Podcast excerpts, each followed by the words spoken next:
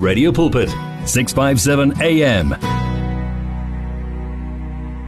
Kulabo ke abangathanda ukuthi sikhuleke nabo ungathumela your prayer request ku 067 429 5564 noma uyithumele nge-email ku prayer@radiopulpit.co.za noma ku rebet@radiocancel.co.za igama ngubahlwa kanhlapo sanda kungena wamkelekile elakho lelikhaya kanti uyazi ukuthi ke umfutho uthola la uma kubanda kwezinye indawo ngena la uzothola umfutho eh uzothola ke nezindaba ezinhle kwamanje ke singena kwi discussion yethu eh kanye nomam Clementine Musimane mam Clementine hiyo inyanga nje yonke le hey siloku sikhuluma leli vangeli uyaza yikho into emnandi njengezwi and ayikho into emnandi okuwukuthi uthole ukuphila and um from ezwini likaNkuluNkulu ngoba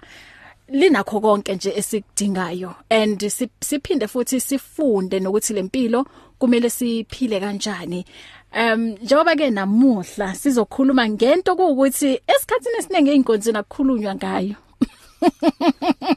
isono oh my word we are talking about sin uh, today and abanye nje banokuthi hey bay justify lento esona athi hayi ya ngiyaphuza mina mara angidakwi o ngiyaphuza mina mara em angihlupha abantu ngiyasiphuzela bese ngiyayihlekela ngiyayijokela bese ngiyayilalela uyabona em ngenza nje iexample kodwa ke uwena uzosichazela kabanzi ukuthi uma sikhuluma ngesono sikhuluma ngani and then sizo sizobuka futhi from the Old Testament siphinde sibuke um na ku New Testament ukuthi idefine isono ngayipi indlela sawubona ngiyabona songena emoyeni singakabingelani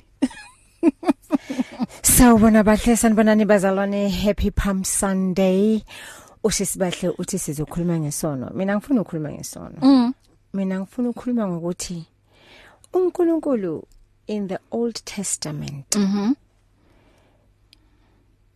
isono bekasibuka kanjani when we commit sin in the Old Testament yeah and in the New Testament mhm because next week we are celebrating a Passover yebo uJesu Christ went to the cross mm.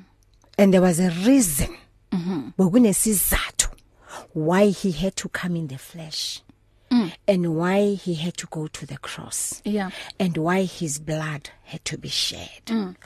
and i think if i'm not wrong i stand to be corrected bazalwane ke le dumedisa ke le rata amen hey yeah it's it's it's lezi sifunda all the time mm-hmm. na lentswile njengoba bathu Jesu uyeza kibona the science iyangidrapa leyangishaya i am wanting this and wanting that i want to know so much mm.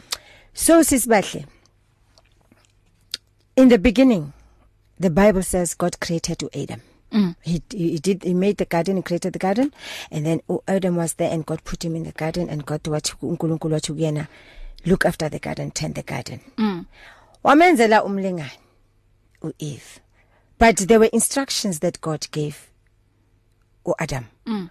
What you do not eat from the tree of knowledge. Yes. But uAdam noEve they went against that. Mm. And the Bible says every day before they could eat from the tree God always visited Adam in the garden face to face hmm.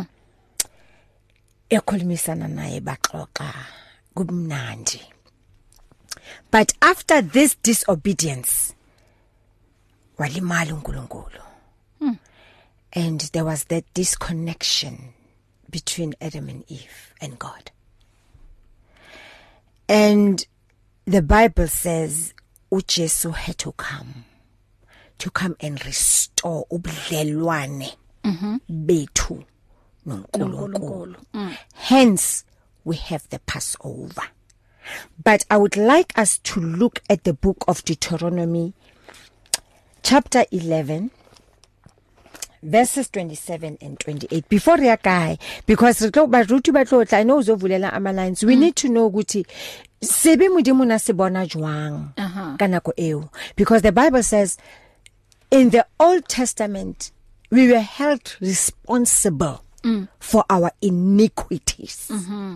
but let's before i i i i go before the card re go deuteronomy 11 verses 27, 27. and 28 ine mm. verses 27 and 28 umuthothi mo usibahle oh ah uh ah -uh. 11 27 haleluya bazalwane uthi lana eh, uthi lana um blessings blessing and curse mm. and uverse 27 uthi A blessing if you obey the commandments of the Lord your God yeah. which I command you this day. Mm. Uverse 28 uthi and a curse if you will not obey the commandments of the Lord my God mm. but turn aside out of the way which I command you this day to go after other gods which you have not known. Now this is in the Old Testament. Mm. So uthi there's a blessing in obeying the commandments. Mm. And there is a curse if we do not obey the commandments. Mm. But then Jesus Christ comes and uh, uKristu makeza ayemnqamlezweni to restore this law this law this covenant that God is saying in the Old Testament when Jesus Christ comes then he says I'm giving you a new covenant mm. which is ukudla umzimba kaKristu and the blood of Jesus Christ yeah so umehluko ukuphi lapho are we still in, in, in today are we still looking And I'm not saying the Old Testament is wrong. Abazalwane bangangitholi wrong because this is the foundation, this is the basis where we started. Mm. It's it's our foundation as Christians yeah. to understand lonkulunkulu mm -hmm. and to understand ukuthi umuntu uyapi. And then iyachaza ukuthi ama cases lawo yini ama blessings lawo imaphi owamukelayo. If you obey and if Uti, you disobey. Blessings mm -hmm. if mm-hmm. you obey yes. akere modimo re file di 10 commandments mm -hmm. which was not actually 10 yeah, e-, even even more than that but re file 10 commandments a difa Moses so those commandments modimo are how do you amohela o di etsa you are blessed but if you go against them you are a curse and ere bible la ngishaya khona iphinde ithi ha uka roba any one of those laws hmm. so phule konke so in today's time njengoba uKristu aye emnqamlezweni we are celebrating the passover next week what does it say mm. what does it say are we still holding on to the old covenant or are we now holding to the new covenant because sometimes ngathi ha re le ba Kriste re le bazalwane ka rena le o diteka sometimes re shape mm. ene re khutlele mo le monakong ya mushe singasahambi ngalesikhathi sika Kristu lo who has redeemed us and bought us aketse bore ka utlwahala na wa utlwahala hantle ke mm. utlwa hantle mm. mm-hmm. re santsane re tshwareletse ko molaong o le the mosaic laws mm. and the covenant ya modimo ya nako e ya old testament kapa jalo ka bazalwane re re sizalwe kabusha ngoba uChrist wasilethela lo musa mm. are we holding on to what Christ has done for us on the cross the new covenant ering i have redeemed you mm. dibitsa lona ha ke sa le bona ke le rekile ka madi aka ke le rekile nna sin is no more it's covered o tsebe in the old testament ine e re ha o ba le sebe o no tlamela re wena o be responsible for the for your iniquity mhm mm for sebe se o se commitang mhm modimo a a a o tla ijarela bofokodi ba hao but in the new testament is it different ntse re jarela kapa do we really really acknowledge Christ for what he has done for us on the cross mm usithwalele amen izono amen and njengoba ipassover iza ipasika liza are we celebrating him for the real Christ that he is for for for, for the real redemption that he gave to us mm. because sometimes ngathi siyambethelela uChristu all all over again on the cross ngenxa yezono zethu and our misunderstanding and our confusion yonke into mhm yonke into Mm. When we have to stand by the word sithi izwi lithi uKristu uthi in my name you will cast out demons in my name you will pray for the sick they shall be recover ukare dideka sometimes re le bazalwane uthole serietsa dintho tse etswang ke batho ba bang ba lefatshe sengasazi ukuthi are we going back or are you going forward haleluya amen siphindela ezwini amen asifunde lezwi lithini siya kweyiphi incwadi manje can we visit the book of 2 Timothy 2:15 second Timothy Timothy akere Deuteronomy umo Old Testament yes manje siya ku second Timothy uko New Testament New Testament akere. yes second Timothy 2:15 mhm mm hey sisibahle atsiba lentso ha o lebala ya kana go ngiputso re kahle kahle rona re utlwisisa jwang ene kuhle ukuthi kube nalabo abazwisisayo abazoza balehlazile lentswelena bese ba rejecta eh eh mona re tlamehile o retse tjena na obane lentswelere e seng nna kere mhm. hallelujah second timothy 2 15 u second timothy 2:15 uthi you must now be diligent to present yourselves approved to God a workman who has no curse to be ashamed teaching the doctrine of the truth correctly and directly mm repeating happy version lab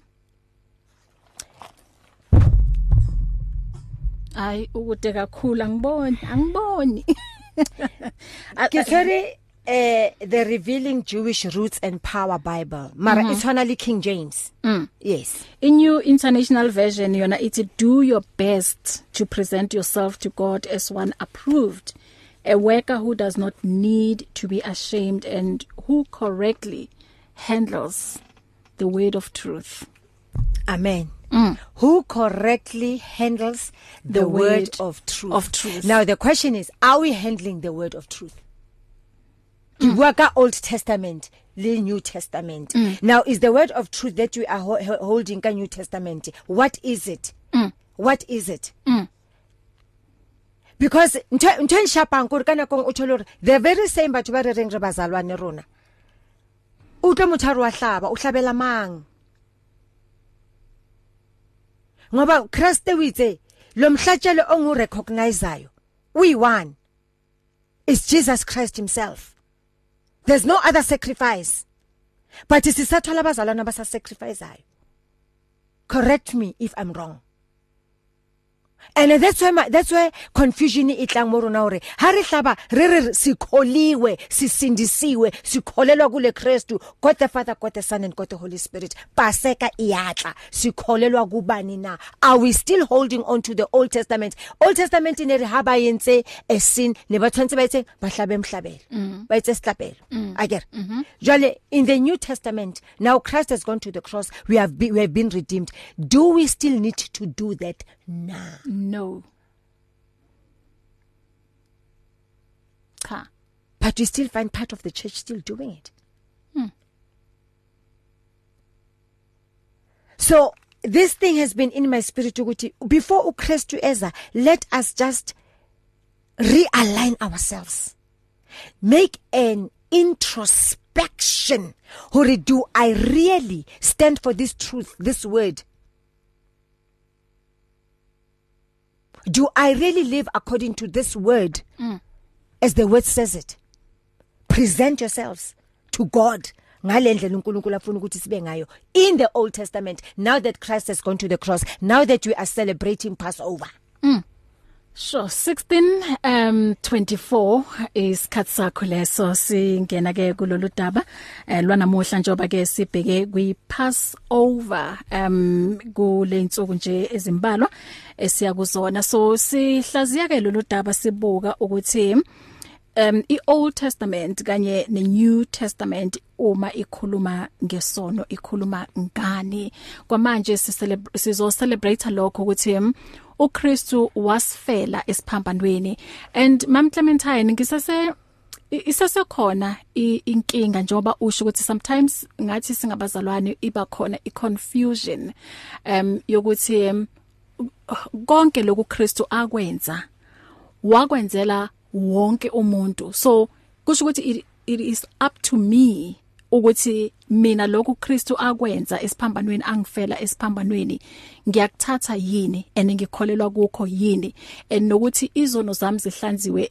um, uh, yini because kunabantu ukuthi even namanje um wenze isono mhlambe 20 years ago and then there are things sokuthi ziyenzeka empilweni yakhe kwamanje bese athi you know what um i believe ukuthi uNkulunkulu uyangiphanisha uh, eh, because of lezinto le engazenza um 10 years ago that is why izinto zami zingahambi kahle so kusho ukuthi kuba khona lento ukuthi um yebo uyasho ngomlomo wakho ukuthi uKristu wabethelwa esiphambanweni ukuthi ngihlanzwe izono kodwa kuphinde futhi kube na that voice because ubuke ngendlela impilo ihamba ngakhona ubuke challenges obhekana nazo bese uyiphikise futhi uthi ayi cha if uKristu ungifele esiphambanweni kusho ukuthi impilo yami manje bekumele ihambe smooth and um enye inkinga futhi ebakhona ukuthi um, sometimes uma silkhuluma lelivangeli um mhlambe siletha abantu ensindisweni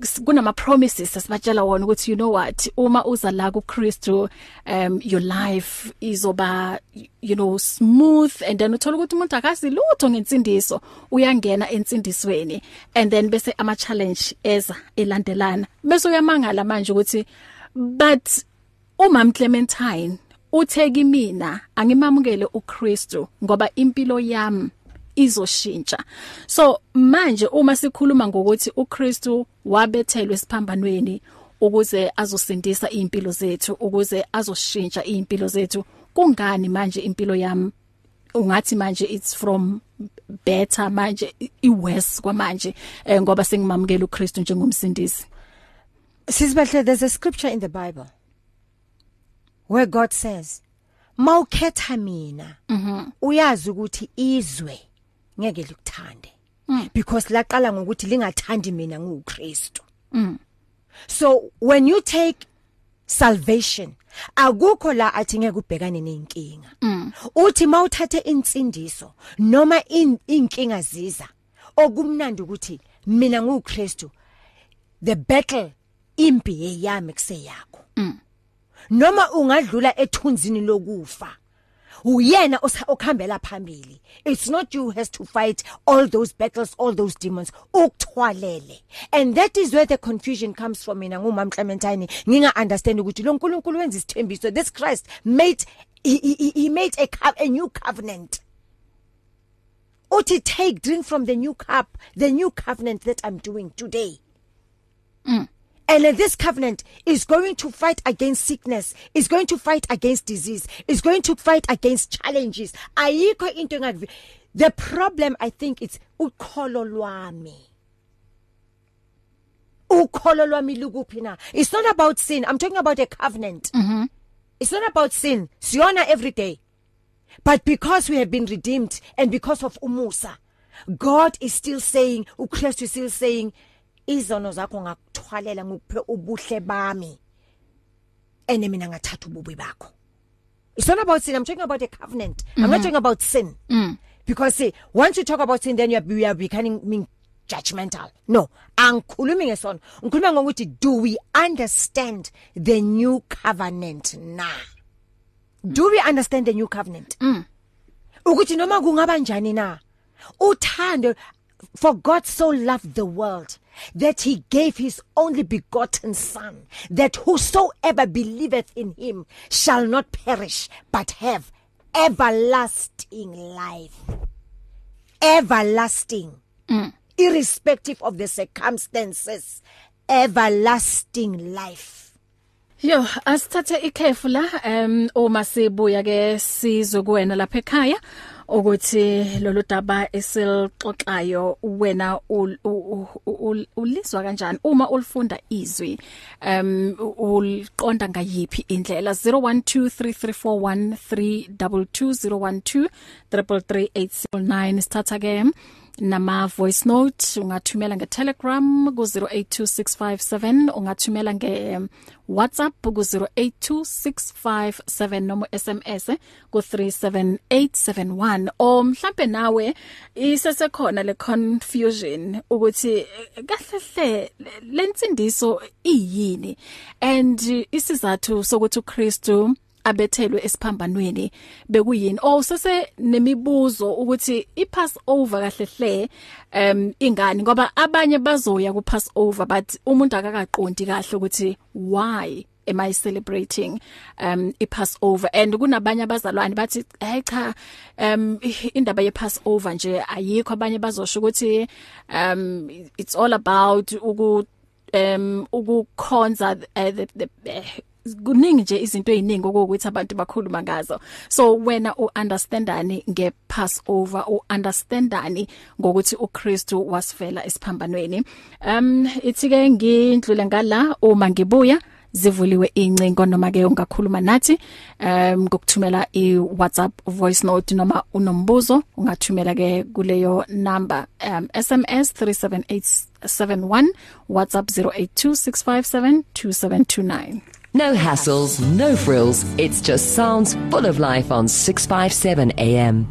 If you need prayer, please send your request to prayer at radiopulpit.co.za or WhatsApp 067 429 7564 or go to Radio Pulpit website on www.radiopulpit.co.za pulpit.co.za. It's here. Radio Pulpit's new website is live. You can tune in at radiopulpit.co.za and enjoy crystal clear sound with just a click of a button or listen to our podcasts. Discover biblical truths in our daily devotionals and let our stories of hope inspire you.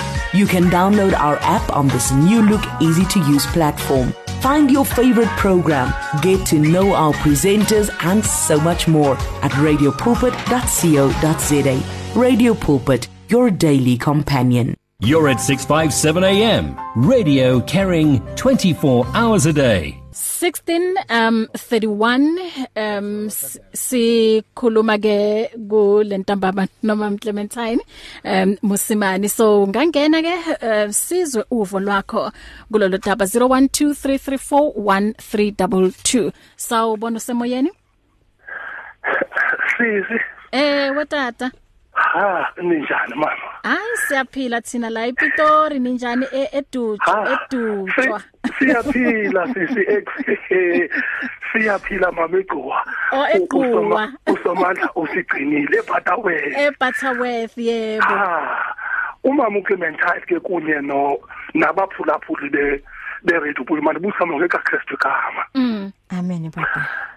Yazi ngelaxesha mama umuntu wayesemyezweni ngimfanisa nemoto lena eh, eh, eyayinedisk mm mm-hmm. uyayibona imoto entsha uma inedisk mm now zonke ipatsi sisemgangathweni wayenjalo ke mama umuntu ukudalwa kwakhe mm. mandibuye mama ke ndithi kwafika umtyholi now umtholi wayiqobula idisk emntwini ngamanye amagama umntu lona e, ebephelele and ebegqibelele ebemhle xa enala disk sibahle kuthiwa ngumoya oyingcwele kathixo kwaze ke mama usathana woqutha loo disk mm. mm. woqutha umoya oyingcwele yadepreciata okanye yehla ivelu yaphela ivelu yomntu manje bada ke mama ndithi ibe khona indlela now yokungxengxezela isono osenzileyo pha kula testamente indala ne now apho khona ekuphalazwa igazi lenkomo okanye legusha okanye lebhokhwe okanye mama elevukuthu eh now ukuze siqolelwe ke ngaloo magazi now kuso nasiphi na isono esisenzileyo kwitestamente endala kuthi ke sisintoba uthixo kaloku yihlo uyayitshintshi isilabasi ukuze ke ngoku athumele uKristu now ecaphule apha kuye so uKristu mama weza ebantwini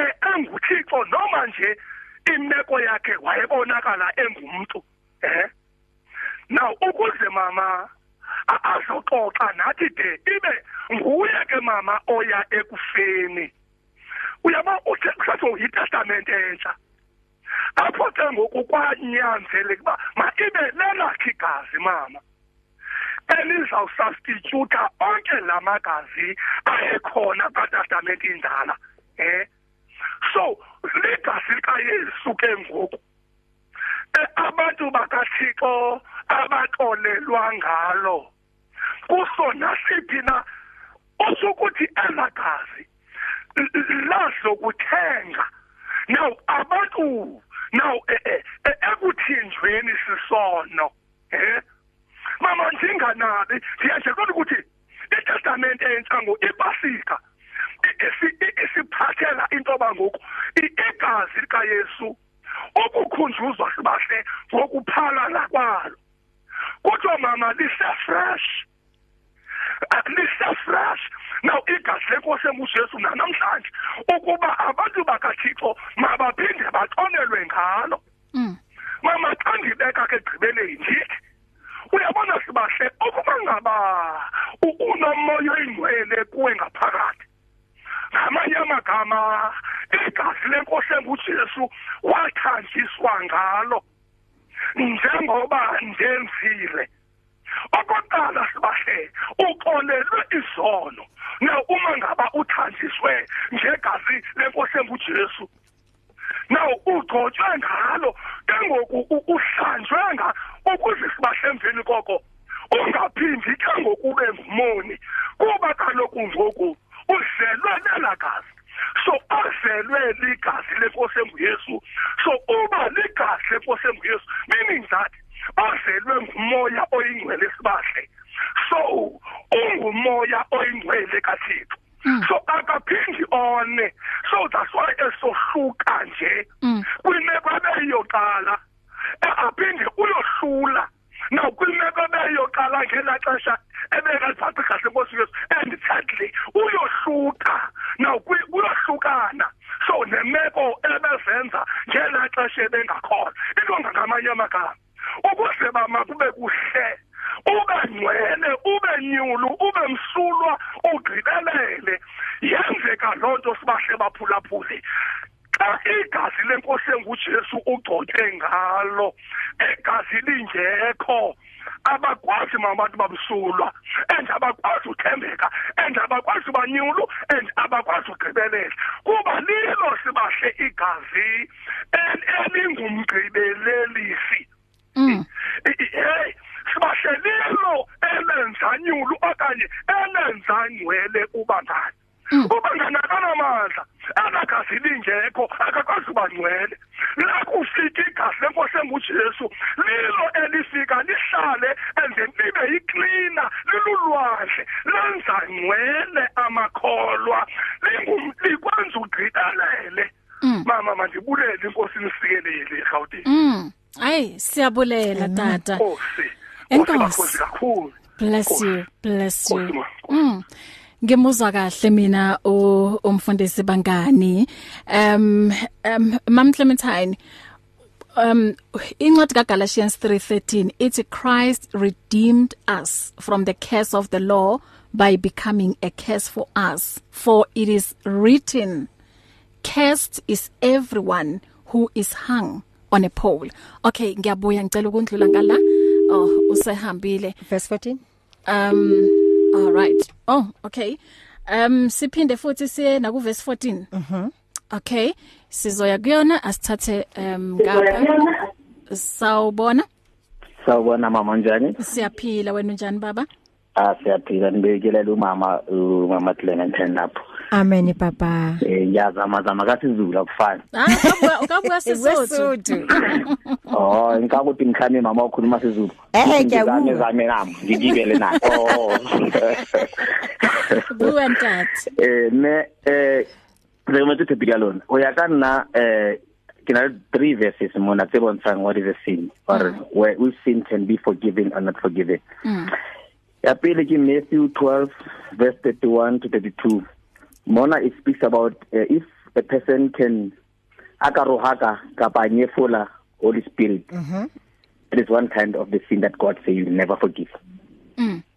it's written down and then engwe ke nana gore is a sin is a lack of faith because of why am i saying this uh, i was reading matthew 17 Matthew 17:19 that was when disciples of Jesus needed to make for this uh, a child and a demonic spirit but they failed then when he came you just cast out the devil, uh, uh, the demonic spirit then how ana analyze the situation we told them that because of lack of faith you are failing to do the good things so i believe if you are not faithful you are you are in the same identity with god so if if you lack faith then it's like you're opposite of god that means that we are going like is a sin because if god say because i think bible say if god say if you don't have a faith or without then it's like already you're out and then the last one is roman roman 10 from verse 17 mm. lack of knowledge i think is also sin against god because god says his nation is perished because of lack of knowledge because of if you don't know that means you don't believe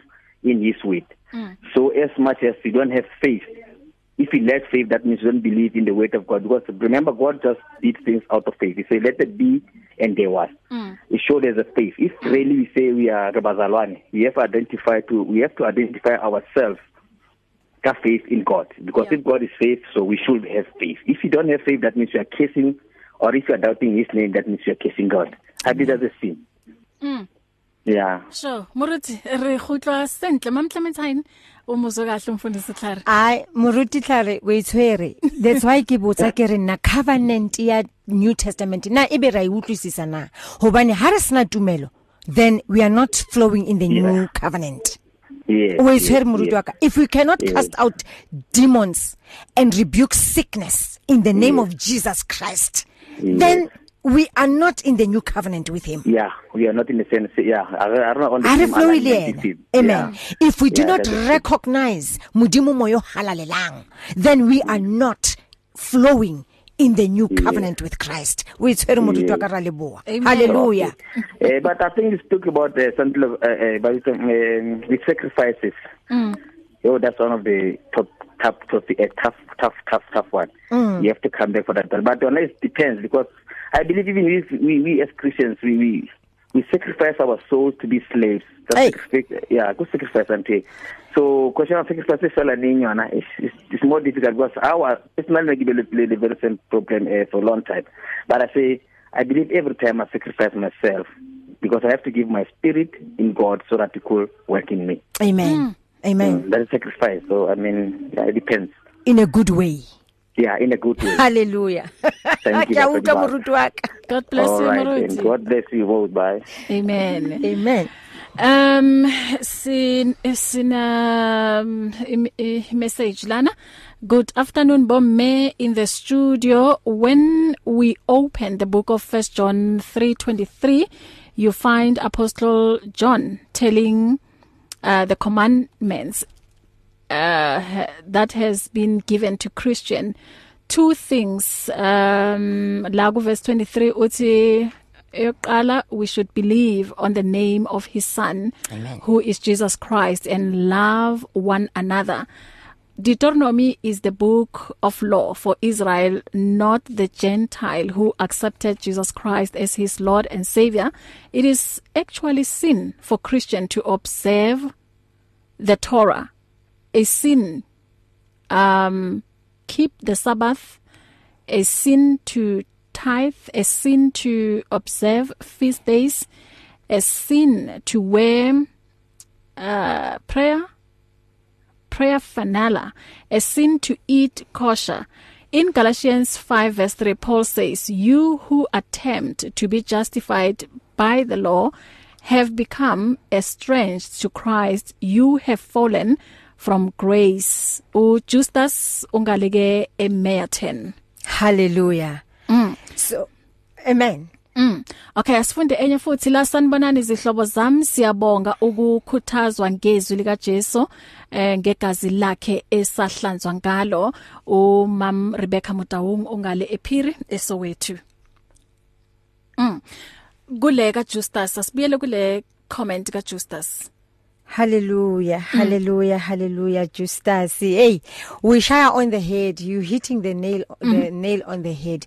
The truth of the matter is, yes, we cannot be holding on to the Old Testament. Yeah. When Christ has redeemed us, kamaji ahai, and is gone to the cross, mm. and our sins have been totally forgiven. We cannot be celebrating feasts. Seriously, that's why we have to understand this new covenant, ya Christ. Mm. Hore, what does it mean to us? Yeah. as the new church. What does it mean? We cannot be holding on to the the the the, the, the celebrations tsa khale which the church doesn't even understand. Mm. And ubwa nete hare some of the things were written for the Jews and not for us. Mm. Hallelujah. Amen. Hobane rona tumelo ya rona e homang. Mm. E ho Kriste. Mophulusi. Mophulusi. morana le mophulusi wa rona so ha paseka e tla tje you must i think we have to understand what Christ has done for us on the cross mm. that the blood of Jesus Christ it is still flowing even today mm. or his name it is the name that is above all names every knee shall bow and every tongue shall confess that Jesus Christ is Lord is Lord hallelujah mm um besifunda u Galatians 3:13 and eh, uthe siyehle ngayo siphinde sifunde nalapha ku 14 okay asiqale nje ekuqaleni ithi Christ redeemed us from the curse of the law by becoming a curse for us for it is written cursed is everyone who is hung on a pole he redeemed us in order that the blessing given to Abraham might come to the Gentiles through Jesus Christ so that by faith we might receive the promise of the spirit by faith by faith ha o sena tumelo ke ntwe moruti setlare na e bua amen lack of faith lack of knowledge are ho ya ka yena that is sin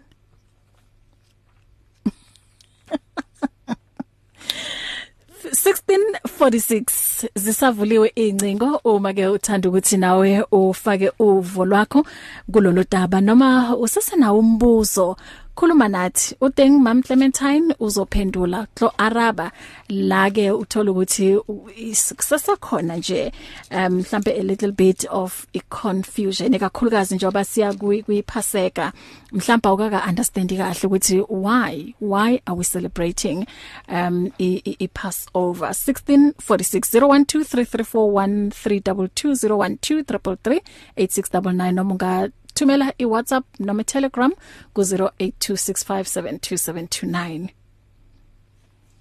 Siyakuphi lapho em ezwini Hebrews 8 verse 12 Hebrews 8 verse 12 Amen Ungasifundela yona mama Okay, okay sisalindele lapho asithatha omunye ngala sawubona semoyeni Sawubona sesilahle Yebo baba Njani Siyaphila wena njani Ngiyaphila ah uh, ya mina Uh I just want to pass through lago futhi lo oqeda ukuphuma athi it seemed to tight in the new cabinet. Mm. Well angazi lori ubhekile from uh, the book of Genesis I go until the book of Revelation about this thing of tithe mm. and other things that Jesus has redeemed us from. Mm.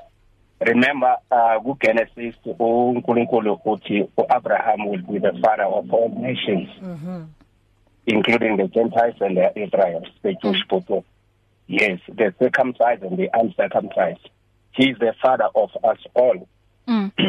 yes so since he is the father of us all and he died and the bible says the law was given 400 years later after the promise was made to Abraham. So Abraham was never under the law, he was just under the grace as we are today. Amen. There was no law during the time of Abraham. He lived his life by faith, of which we are also on that covenant, which is the covenant of faith in Christ Jesus. And uh, in believing God, Abraham, he tithes. And God says, because Abraham has believed in him, he, he, he did what? He credited him with righteousness. He gave him the gift of righteousness. Uh, Abraham did not perform any good deeds to be righteous in the eyes of God. He did not obey any sin. He just trusted God that God can justify a, uh, a sinner. And by that way, he was justified. Then he was called the righteous man of God.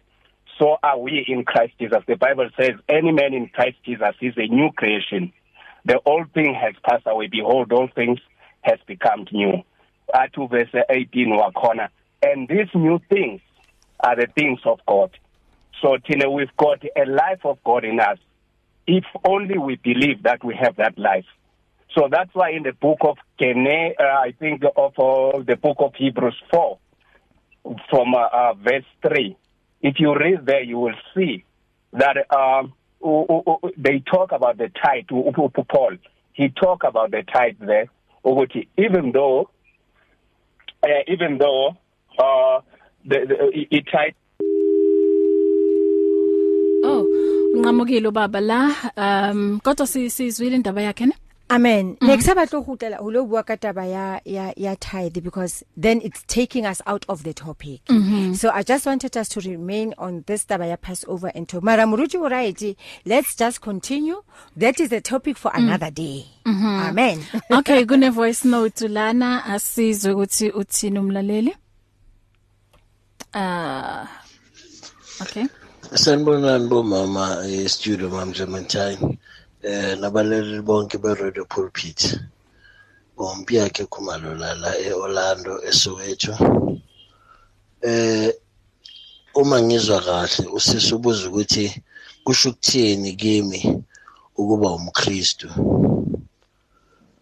em engikukhumbulayo la ukuthi kunamagama akhulunywa uJesu ukuthi uma singeke safana nabantwana kulombuso kaNkuluNkulu angeke sakwazi ukuwubona umbuso kaNkuluNkulu manje uma esho kanje uma izwi likaNkuluNkulu sesilizwa sesibadala akusho ukuthi sekufanele sibuyele ebuntaneni nge-understanding yami kodwa akusho ukuthi ebudaleni bethu fanele siguquke ekuboneni izinto ezingasasifanelanga njengabantwana bakaNkuluNkulu ukuba umKristu kusho lokho kodwa manje siphile esikhathini la uthi ungakakhulu uzibona izinto ey'funakalayo ney'ngafuneki kube sekukhona abantu abakugxekayo abantu abakubonayo abakubiza ngamagama kube nzima-ke manje ukuthi ukuguquka kwakho kuba njani ngoba phela ukusindiswa kwethu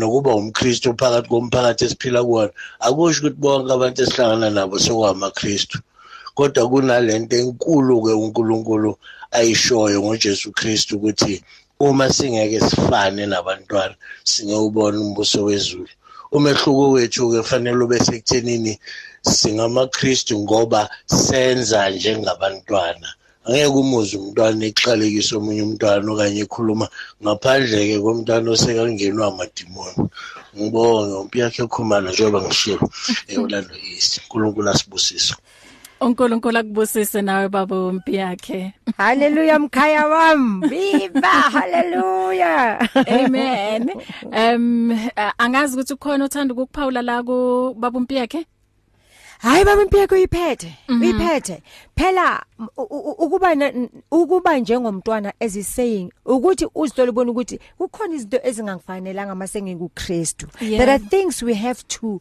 get mm. rid of thina as abantwana bakaNkuluNkulu yeah. uthi fanani nabantwana ngokholo lwenu mm. therefore njengoba lepasika iza we have to be like kids to understand the new covenant what does it mean ukuthi ungixolele izono zami mm. igazi lakhe laphalala he was on the cross for my sake and i mean i didn't have to to die for any sin but he did it for me so I'm talking about then do we really understand ukuthi usenzele umusa ongakanani Amen usenzele ubuhle obungakanani mm. kebohle fela mm. re mo bitsa kana go tsohle a re call upon my name ho sa kgathalatse hore o hokae I will show up mm. and he does show up Amen nasithatha omunye la um sawubona semoyeni Hello, I'm actually phoning about um your discussion, your current discussion Yes, ma'am. What I want to suggest to you, by the way, you've got a fabulous program I listen to every Sunday. Oh, is thank if you. you if you look at Matthew 5 15, mm. it's the fulfillment of the law.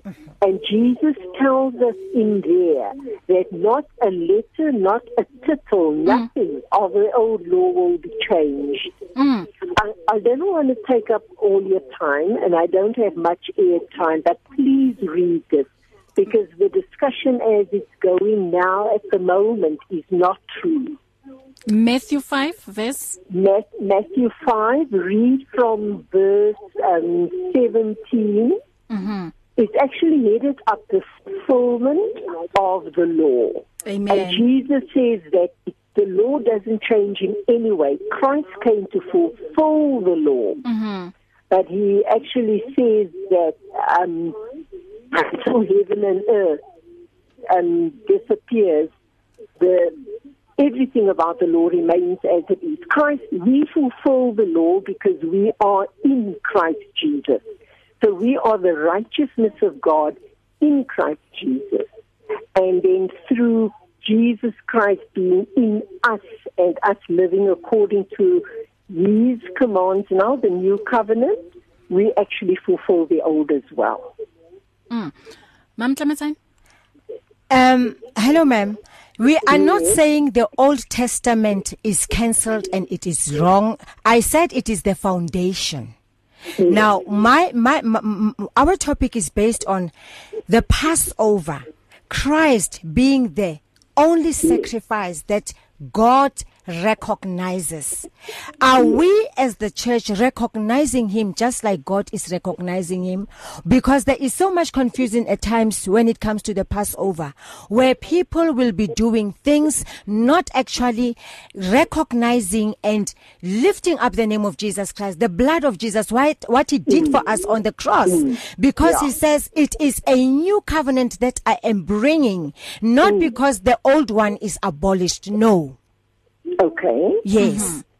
Mm-hmm. Okay. Yes. No, that's fine then, because the impression, I'm, I apologize, the impression I got was that the, the fulfillment of the law is completed already through no, Jesus. No, ma'am. Okay. No, that is fine.